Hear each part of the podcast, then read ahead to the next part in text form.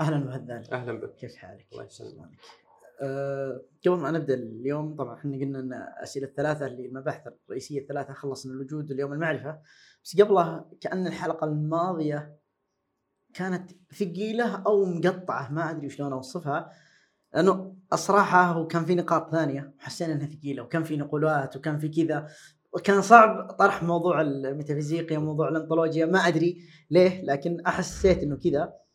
فما أدري إذا نعم، عندك. شيء بتقوله نعم, نعم هو الحقيقة إن مبحث الميتافيزيقا من أعقد المباحث لأن الموضوعات اللي يتناولها هذا العلم وأيضا الأنطولوجيا ليست موضوعات حسية ولا جزئية، ليس شيء يمكن أن نراه أو نلمسه بايدينا، لذلك آه، حينما أتكلم أحاول أن أبسط الفكرة لكن هناك حد للتبسيط لا يمكن أن أتجاوزه.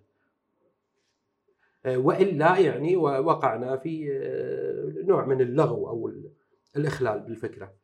آه، هذا هو اتمنى في هذه الحلقة أن نحاول أن نبسط ربما نظرية المعرفة أقل تعقيدا من نظرية الوجود. طيب على طريقه التبسيط أحيانا في في كتب مبسطة جدا مرة سمعتك كأنك قلت بعد ما قريت وذا إنك بكتاب عالم صوفي رأيت فيه أشياء اختصرت لك أشياء كثيرة موجودة كانت في الكتب ال- الكبار. أش- ألاحظ بعضهم يتحرج. نعم. يعني حتى يمكن بعضهم استغرب إنك تقول عالم صوفي. نعم. ف آه، طبعا آه، أنا قرأت عالم صوفي آه، يعني قبل سنوات قليلة بعد ما قرأت لكبار مؤرخي الفلسفة مثل راسل كوبلستون ويوسف كرم وغيرهم. آه، البعض كما ذكرت بالفعل يتحرج من قراءة الكتب المبسطة مثل عالم الصوفي، أنا شخصيا أرى أنه من الخطا أن تخسر هذه الفائدة العظيمة، أحيانا الكتب المبسطة هذه قد آه، توضح لك أشياء كانت غامضة أو غير أو غير يعني تريك أشياء ما كنت منتبه لها وهذا حدث لي عندما قرأت عالم صوفي وفي كتب أخرى طبعا آه، أغلبها بالإنجليزي كانت مقدمة لي حتى للشباب الصغار. أحيانا أجد متعة وأجد فائدة في قراءتها.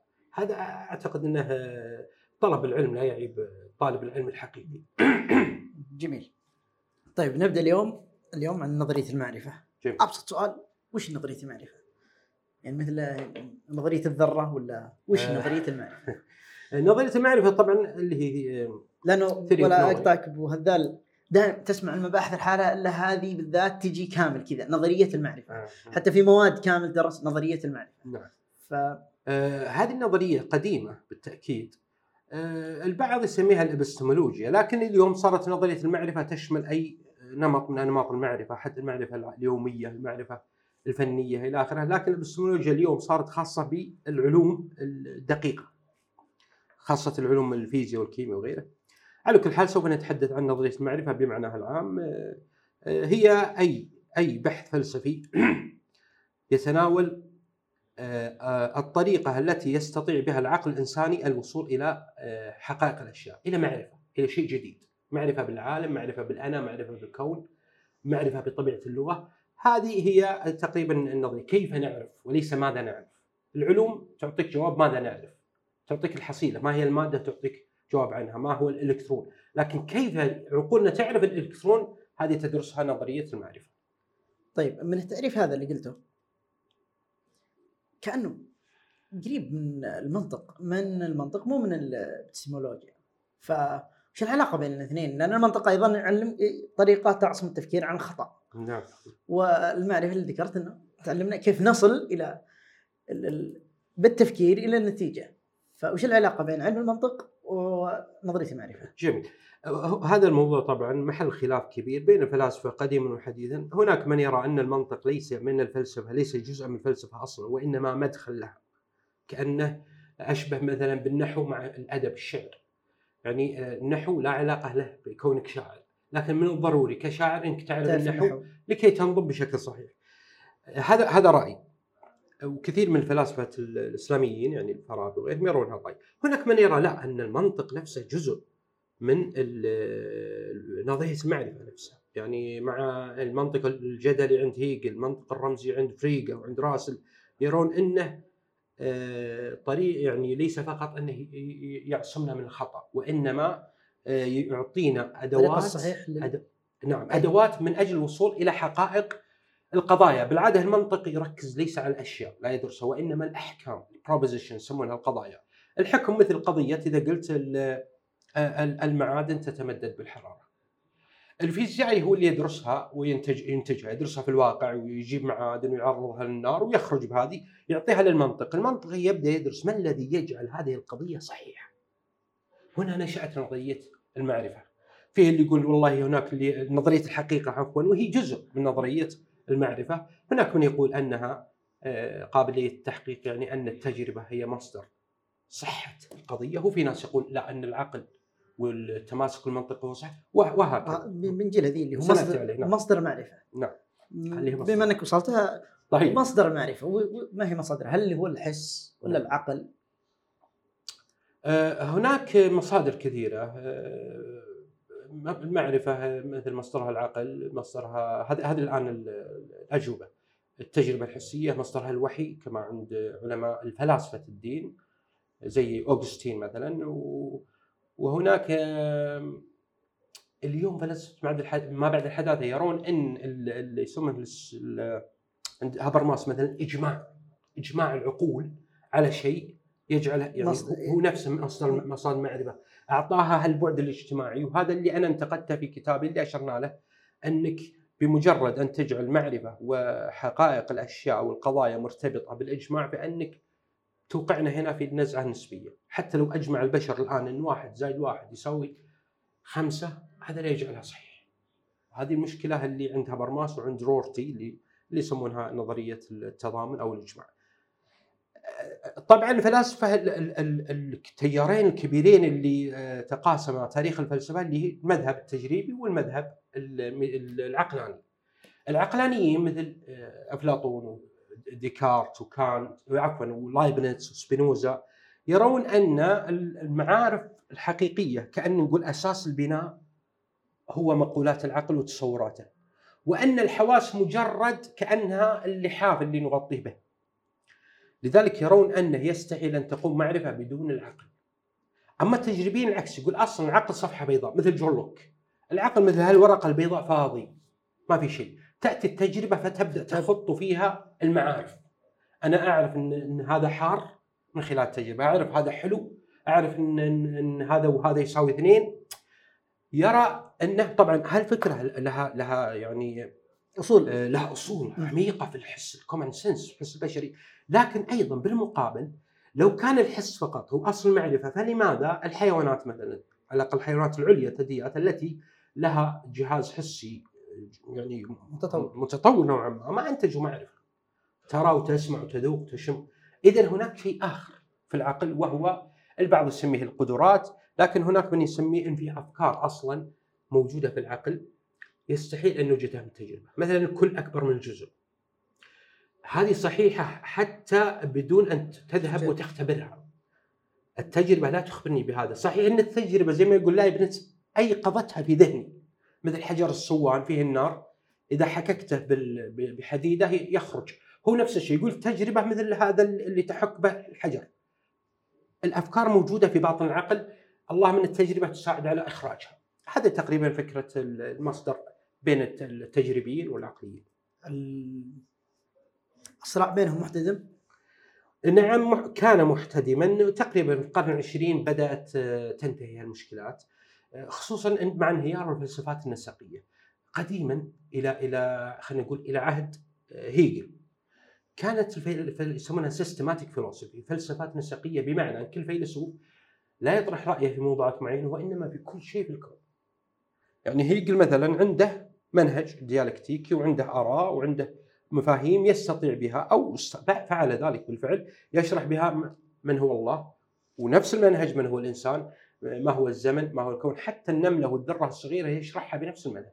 فكانه أعطانا صورة لوحة هائلة وضع فيها كل شيء في مكانه وإطاره الخاص. هذه انتهت مع تطور العلوم والوعي البشري صار كل فيلسوف مختص بموضوع معين لذلك انتهت تقريبا ال- ال- اللي هو هال- تمذهب يعني خلينا يعني نقول. نعم يعني التمذهب ممكن تشوف بعضهم لا زال يراهن على زي تشومسكي مثلا يراهن على أن العقل فيه أفكار فطرية. بدونها يستحيل أن نعرف نتكلم أو نكتسب معرفة. لكن ليس بذلك التعصب اللي كان موجود أيام ديكارت وجون لوك وبيركلي طيب زي ما ذكرت آه، ديكارت وبيركلي ولوك كانت مشهور بنظريه المعرفة. أكيد. آه، فودنا نتكلم عنه بالذات يعني انه إحنا الحين نتكلم عن المذاهب بعدين نجي للفلاسفة لكن ما يصلح نتجاوز نظرية المعرفة بدون ما نتكلم عن كانت آه، في المعرفة كانت يبدو لي إنه من أعظم الفلاسفة يعني شخص جمع آه، عبقرية مذهلة ومعرفة شاملة آه، وأحدث تحولا جذريا في نظرية المعرفة في تاريخ الفكر الفلسفي. حتى يعني فلاسفه المعرفة المعاصرين اللي يسمونه المعرفة أو العقل مثل هيلا- هيلاري بوتنم وغيرهم يرون أن ما قبل كانت ليس مثل ما بعدها.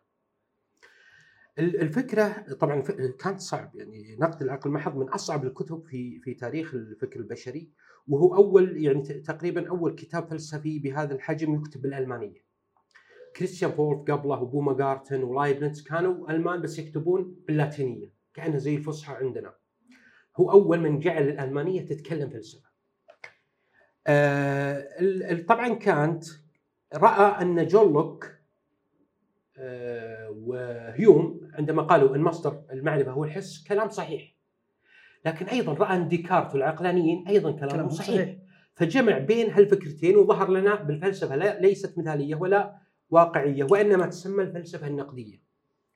معنى النقد هنا ليس له علاقه بال criticism النقد اللي نعرفه، لا هو اسمها كذا، الفلسفه النقدية بمعنى أنه عاد للعقل وبحث كيف يعرف.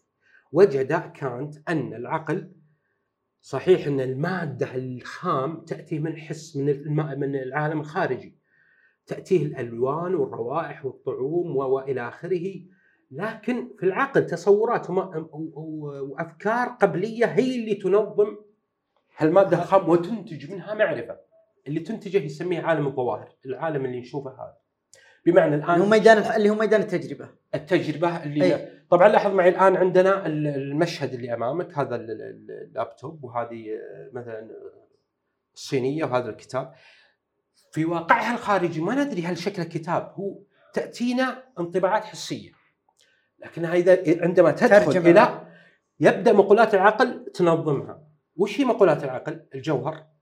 مثلا الجوهر أنا يوم قلت في الفترة الماضية في الحلقة الماضية يوسف لك حالات متغيره في كل ثانية لك يوسف في كل ثانية. لكن عندي فكرة جوهر إن يوسف واحد.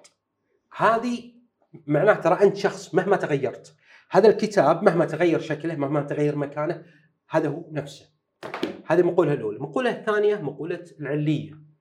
العقل البشري لا يستطيع أن يفهم إلا إذا طبق هذه المقولة على ال- ال- الحوادث اللي نشوفها. أنا الآن لو لو ضربت خالد معلش خالد لو ضربته الآن وقلت لي ليش؟ قلت بدون سبب تكون مستحيل لازم في سبب. لازم في سبب. ولا بتكون مجنون غير عاقل. كون إنك عاقل لن تفعل شيء. ما في تصرف إلا بسبب. نعم هذه هي العلية، العلية مش موجودة في العالم بذاته، موجودة في عقولنا ونحن نترجمها. على. طبعا هذا على طاري عالم عالم صوفي هو جاب مثال حلو، أعتقد إنه في عالم صوفي. يقول المقولات عند كانت مثل النظارة هذه لنفترض النظارة لونها أزرق. إيه، ال- النظارة تخلي كل اللي اشوفه لونه أزرق. هو إيش يقول؟ مقولات العقل تصبغ العالم بصبغة العقل نفس النظارة بس ال- ال- الشاهد إن النظارة يقدر يشيلها ويشوف العالم على حقيقته ويقول العقل ما- تقدر ما تشيله تشيل. لذلك يستحيل أن نعرف العالم كما هو في ذاته. نسميه النومين. النومين اللي هو شيء في ذاته. م. اللي نعرفه هو ما يظهر لعقولنا يسميه الفينومين أو الظاهره لذلك العلم هو علم بالظواهر. آه، طيب يعني الجوهر العلية؟ العلية عندك مثلا مفهوم الزمان المكان الإضافة. أنا ضربت مثال مرة آه، للتوضيح مفهوم الحلم نحلم صراحة أنا اجتهاد مني لتفسير الحلم من منطلق كانتي. طيب. تعرف أنت عندما تنام مقولات العقل تتراخى. ما نقول إنها تنهار مرة هذه في حالة الغيبوبة التامة. تتراخى. بس يبقى إنك تستقبل ممكن صوت سيارة مار يعني صوت المكيف تدخل مع الذاكرة. بس لاحظ معي الآن أنت في الحلم أحيانا تكون في الشرقية وفي نفس الوقت في الرياض. صح ولا لا؟ صح. تصير لك. معناها انهارت مقولة المكان. هذه ما في عالم اليقظه العقل ينظمها مستحيل. الزمان. شخص عزيز عليك مات قبل 15 سنة تقابله قدام عينك الآن 2020 انهارت من قلة الزمان العلية واحد يرميك مسدس في راسك ما تموت أو تسقط من إذا ما قمت من النوم طبعا تسقط إيه. وتجد إنك ما ما تموت. بالعادة ما حد يموت في الحلم. انهارت من قلة العلية لأن يقول إنك إذا بالمسدس أكيد تموت. تموت. عندك مثلا مفهوم الجوهر. أنا أحيانا أكلم صديقي وفجأة يصير أخوي في نفس الوقت. في الحلم. إيه. لاحظ معي الآن العقل بما أنه ما عاد نظم العالم. عالم الحلم ما يدخل فيه العقل. في عالم اليقظة شغالة هالمقولات ترتب العالم يصير واضح. تقريبا هذه فكرة كانت أن عقولنا هذه اسمها الثورة الكوبرنيكوسية. لم يعد العالم ياتينا وإنما عقولنا اللي هي تنظم العالم, العالم. وتخلق العالم. هذه جميل. قبل قبل ما نروح النقطة الثانية بما إنك ذكرت كانت وقلت إنه أصعب كتاب تكلمنا في بداية الحلقة عن عالم صوفي في زميلي في الجامعة الآن يقول حسب أهمية الفلسفة أوكي. فيقول يا أخي رحت شريت كتاب كانت نقد العقل المحض. يقول والله قريت 20 صفحة ما فهمت شيء. يقول الفلسفة صعبة. فقلت له طيب. فتذكرت كلامك بالحلقة الأولى يوم قلت إنه أول ما بديت بالفلسفة كنت تعاني وما تدري وما في أحد يوجه. فهذا الحين راح الكانت ما يدري سمع المدح راح لأصعب شيء وقرأ الكتاب. نعم. وهذه مشكلة ما زالت آه، آه، نعم مشكلة كبيرة. آه، هو هو في البداية كان يجب عليه أن يقرأ عن كانت قبل بشكل مكثف. أنا سويتها وبعدين رحت قرأت كانت كتابه ووقعت في نفس المشكلة بسبب الترجمه خلينا نكون صريحين إيه. يعني. أول من ترجمة أحمد الشيباني يعني آه، المرحوم أحمد الشيباني آه، سوري سعودي الأصل ومات في السعودية آه، ترجم نقد العقل المجرد سماه المجرد. وجاء بعدين موسى وهبة. مات أيضا قبل فترة قريبة لبناني وترجم يقول أحاول أتلافى مشكلات ترجمة الشيباني. والحقيقة أنه عندي شخصيا ترجمة الشيباني أوضح. بعدين جاء أعتقد غانم هنا قبل خمس ست سنوات ترجم كتاب ثالث لكن للأسف لا زال في مشكلة. قرأت الترجمات الإنجليزية. ترجم الآن موجوده أربع. ذكر لي الدكتور عبد الله الغذامي قبل فترة التقيت معه يقول في ترجمة ظهرت قريبا خامسة.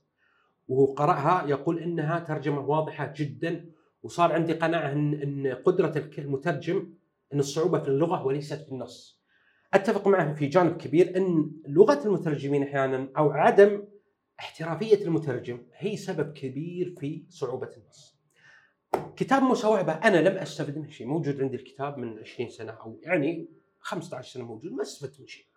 عندما قرأت الترجمات الإنجليزية الاربع جبتها مع بعض جنب بعض واقرأها من هنا ومن هنا. وأيضا في صعوبة لكن أفضل نوعا ما من الترجمة العربية. لأن اللغة الإنجليزية تعرف لغة عالمية ولغة يعني مخدومة والكل يترجم لها وصار عندها يعني تقاليد عريقة.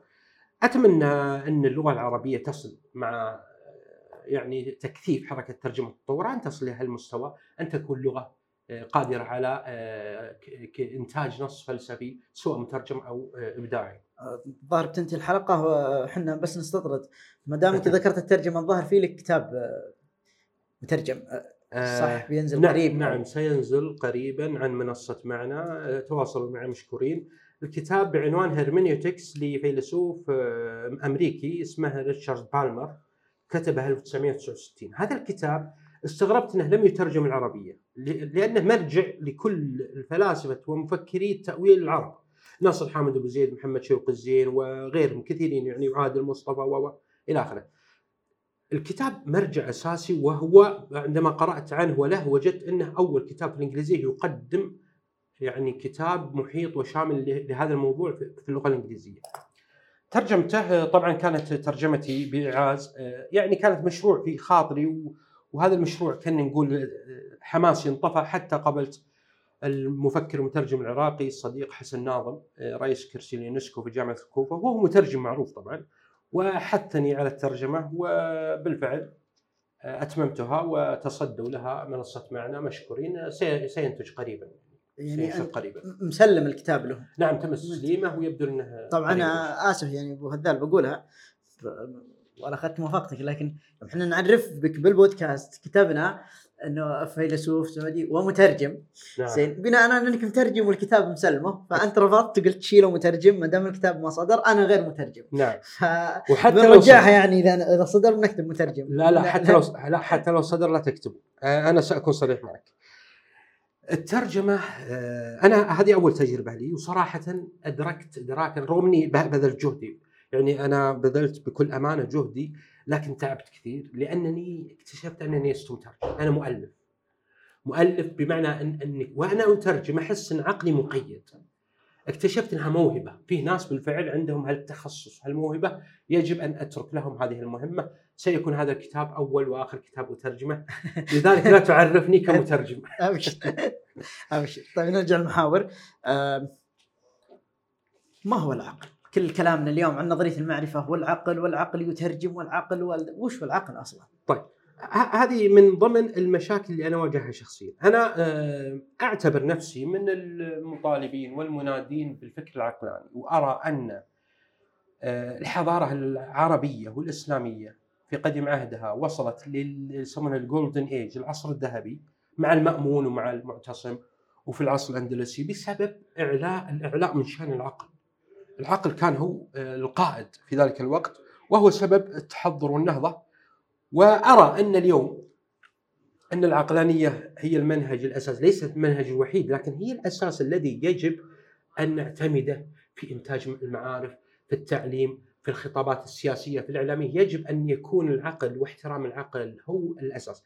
دائما يسألون ما هو العقل؟ اللي تقصد هنا أوحي لك نفس الفك... المشكلة اللي عند ذكرناها في الحلقة الماضية مع أوغستين مفهوم الزمان آه، قال الزمان أعرفه بس إذا قالوا عرفه العقل أنا أعرف العقل ما أقدر أعرفه لا قلت ما هو العقل وقعت في مشكلة لأن التعريف حد كما يقول. أرسطو المناطق التعريف حد تحد الشيء تحصله أي. أحيانا عندما تحده تجد إن في شيء برا يعني ترجع ثاني تطلع تدخل يعني ما ينحد. بالعادة صعب أن تجد يسمونه تعريف جامع مانع. ومانع. لأنك تضع تعريف تنصدم أنك تم توسعه أو طيب. تحصره. على كل حال بشكل عام أنا أرى أن العقل هو الالتزام بمبادئ الفكر الثلاث مبدأ الهوية ومبدأ عدم التناقض ومبدأ ثالث مرفوع خلينا نجمعها بعدم التناقض. هذا مبدأ أساسي. يعني ما تقول لي أنا ميت وحي في نفس الوقت كذا تهين عقلي. رقم اثنين مبدأ العلية. مبدأ العلية ترى البعض يقول تجريبي لكن مع إيمانويل كانت عرفنا أن العلية تصور عقلي. العقل نفسه ينتج العلاقة العلية.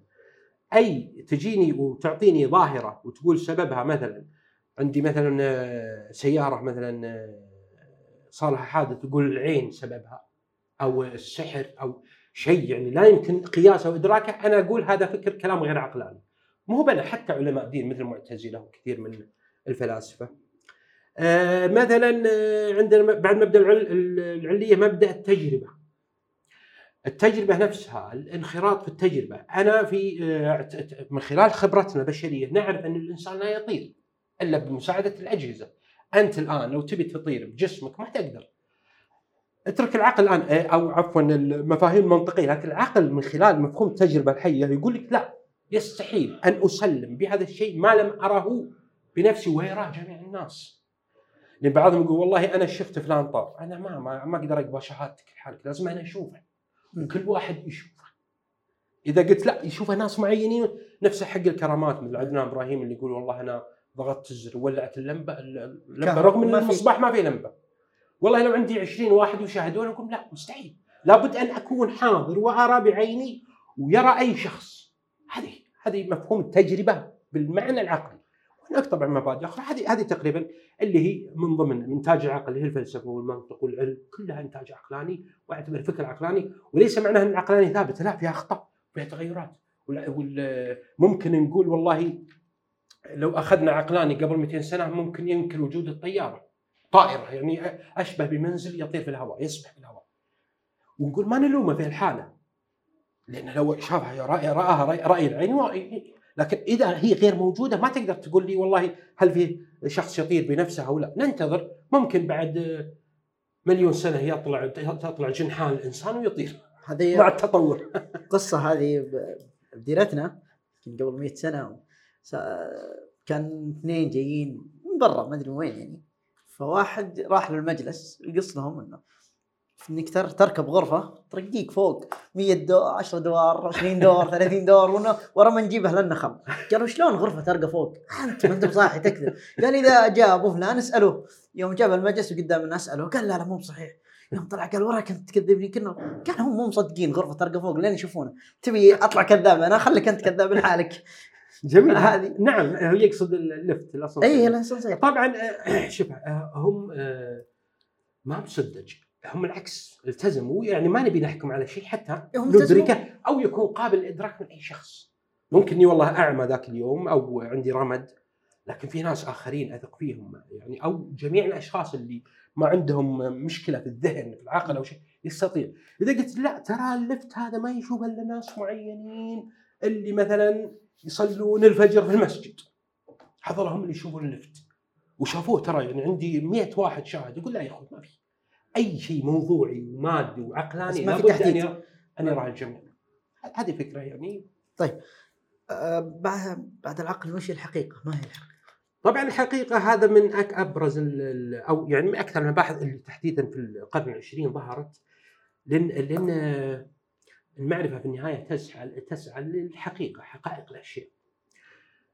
ما هي حقيقة هذا ال- القلم مثلا؟ ما هي حقيقة؟ طبعا أرسطو في منطقة عنده شيء يسمونه الديفينيشن تعريف الحدود. حقيقة الإنسان أنه أنه حيوان عاقل يعرف من خلال الجنس والفصل فصل الفصل الخاص. يعني من خلال مقولات معينة. الآن في القرن العشرين صارت الحقيقة يدرسون مش حقيقة الفكر أو شيء بقدر ما حقيقة الحكم. أنا عندي يقول لك مثلا السماء الآن تمطر. ما الذي يجعل هذه العبارة حقيقية؟ في نظرية يسمونها ال correspondence theory، نظرية المطابقه واقعية و- يعني. منسجمه مع الحس المجتمع، يقول اطلع برا الغرفة، إذا تمطر ترى العبارة صحيحة. إذا اتفقت العبارة هنا مع الواقع مع الواقع تراها صحيحة. طيب في ناس يسمونهم النظرية ال- النظرية التماسكية كونسيستنس النظريه تكون متماسكة بمعنى هؤلاء أغلبهم مثاليين. المثاليين عندهم يقول إن هذه العبارة ما, ما تقدر تحكم عليها بنفس لحالها أجيب لك مثال. أنا الآن لو جيت وقلت لك المعادن تتمدد بالحرارة ما الذي يجعلها صحيحة؟ يقول أصلا يجعلها صحيحة قضايا أخرى. مستحيل تعرف صحتها فقط من هذه حالها لازم تعرف في قضايا عن المعادن ما هي معادن ما معنى حرارة. في عندي نسق هائل من القضايا الفيزيائية مع بعض. إذا صدقت تصدق هذه.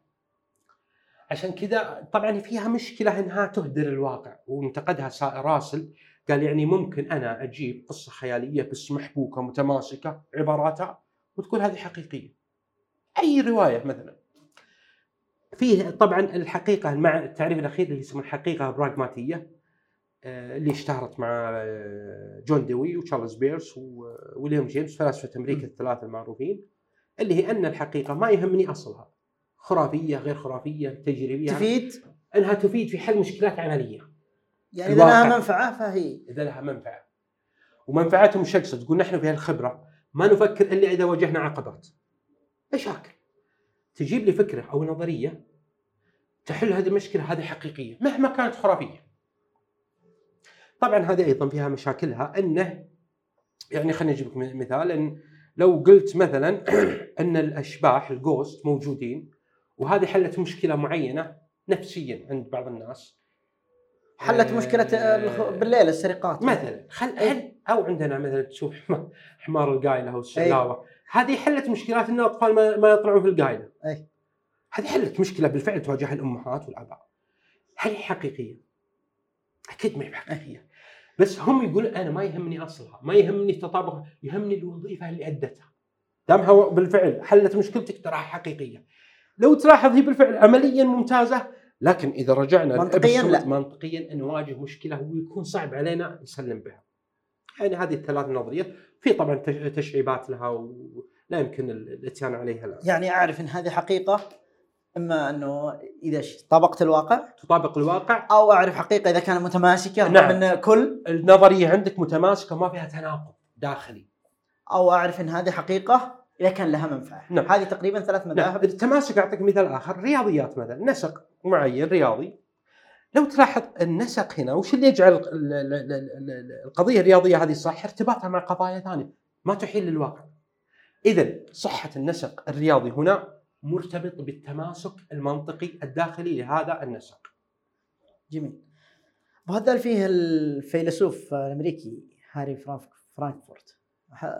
ألف كتاب Bullshit الهراء جت أحد هو مقال والظاهر قاعد فترة طويلة ما حد انتبه له. بعدين كونه أستاذ جامعة مرموقة جت أحد دور النشر وأخذته وطبعته وانتشر. وحقق يعني أصلا الاسم شوي جاذب.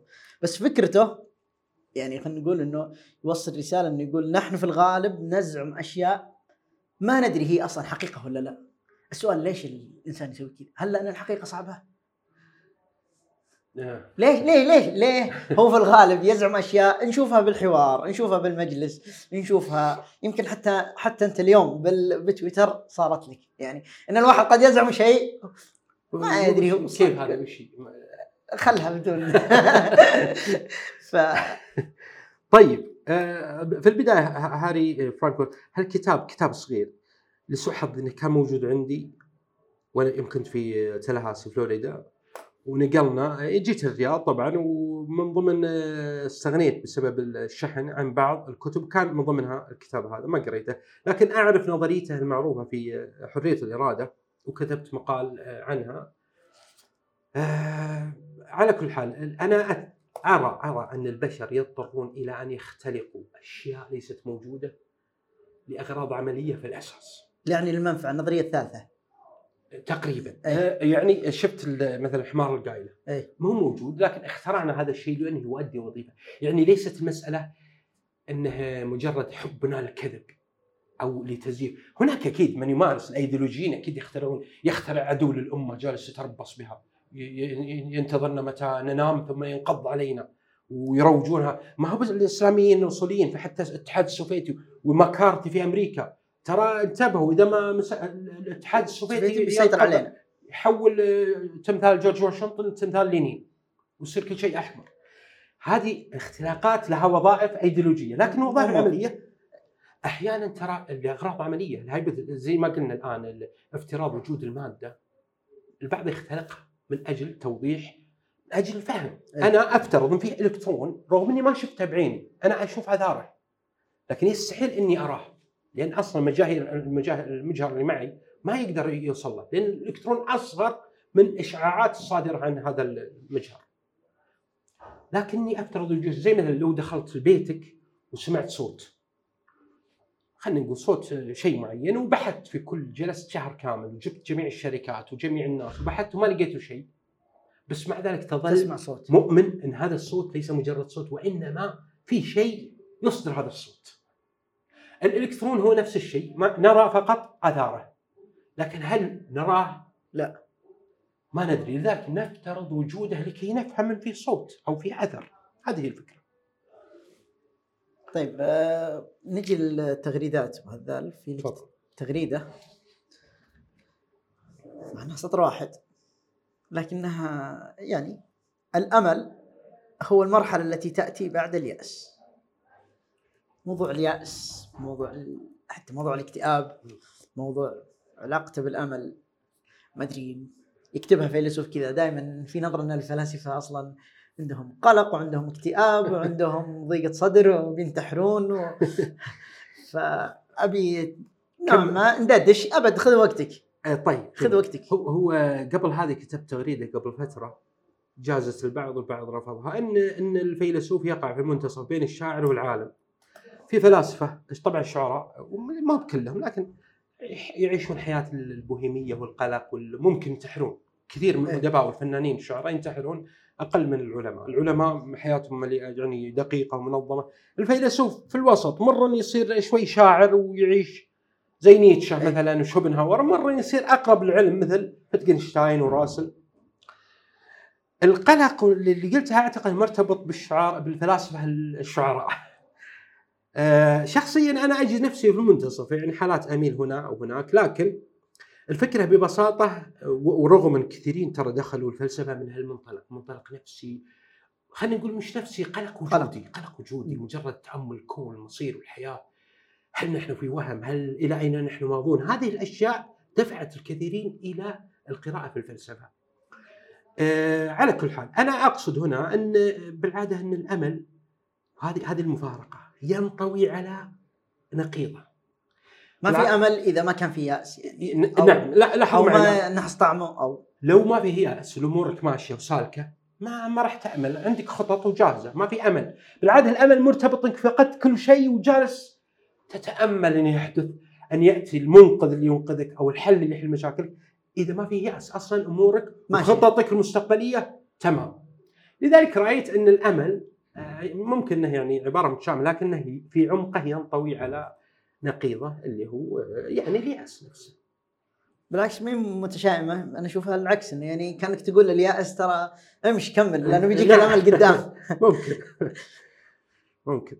طيب، وأيضا طيب موضوع الاكتئاب. أدري، يمكن بس دردشة والله. الكتاب آه، آه، أنا أذكر آه، لأن كثير. صراحة. نعم. أنا أتكلم كزملاء اللي في الجامعة شيء ملاحظ. تقصد المهتمين بهالمواضيع. إيه. هو آه، ابن سينا أذكر آه، يسميه الملانخوليا. ما أدري هو نفسها أو لا. قديما تسمى الملانخوليا نوع من كتاب النظرة السوداوية. أعتقد أنها يتعرض لها كل شخص مش بالضرورة فيلسوف كل شخص يتدبر الكون يتدبر يخرج خارج ملابسات الحياة اليومية. تشوف ال- اللي دايم مع الخيل شقر ومع الناس ويروح ويسوي مثلهم تلقاه يسميه هايدجر السقوط في الثرثره ما يبي يفكر في مصيره وإنه بيموت. ذكرنا أن وجودنا في انه وجود نحو الموت. شيء مرعب. لذلك نحاول ننسى ننخرط مع الناس. أعتقد أن اللي يظهر برا سواء رسام شاعر المتنبي ذو العقل يشقى في النعيم بعقله وخذ جهاد هذه نعم. تصيب الكثيرين. البعض يتحملها والبعض يصاب بالاكتئاب لكن الأغلب نعم. منهم يصابون بالاكتئاب حسب طبعا في كتاب ضعيف. بعض الاكتئاب قد يؤدي إلى انتحار. طيب أجل عشان ما ما يؤدي بنا الانتحار ولا أحد علينا نوقف نوقف. الحلقة. طيب ما قصرت الله منك. يطول شكرا عمرك وشكرا لك أتوقع أن هذه آخر حلقة الموسم هذا جميل, لكن نلتقي الموسم الجاي جميل. بالتوفيق لك وشكرا لك والاستاذ خالد شكرا. للجميع والمستمعين الكرام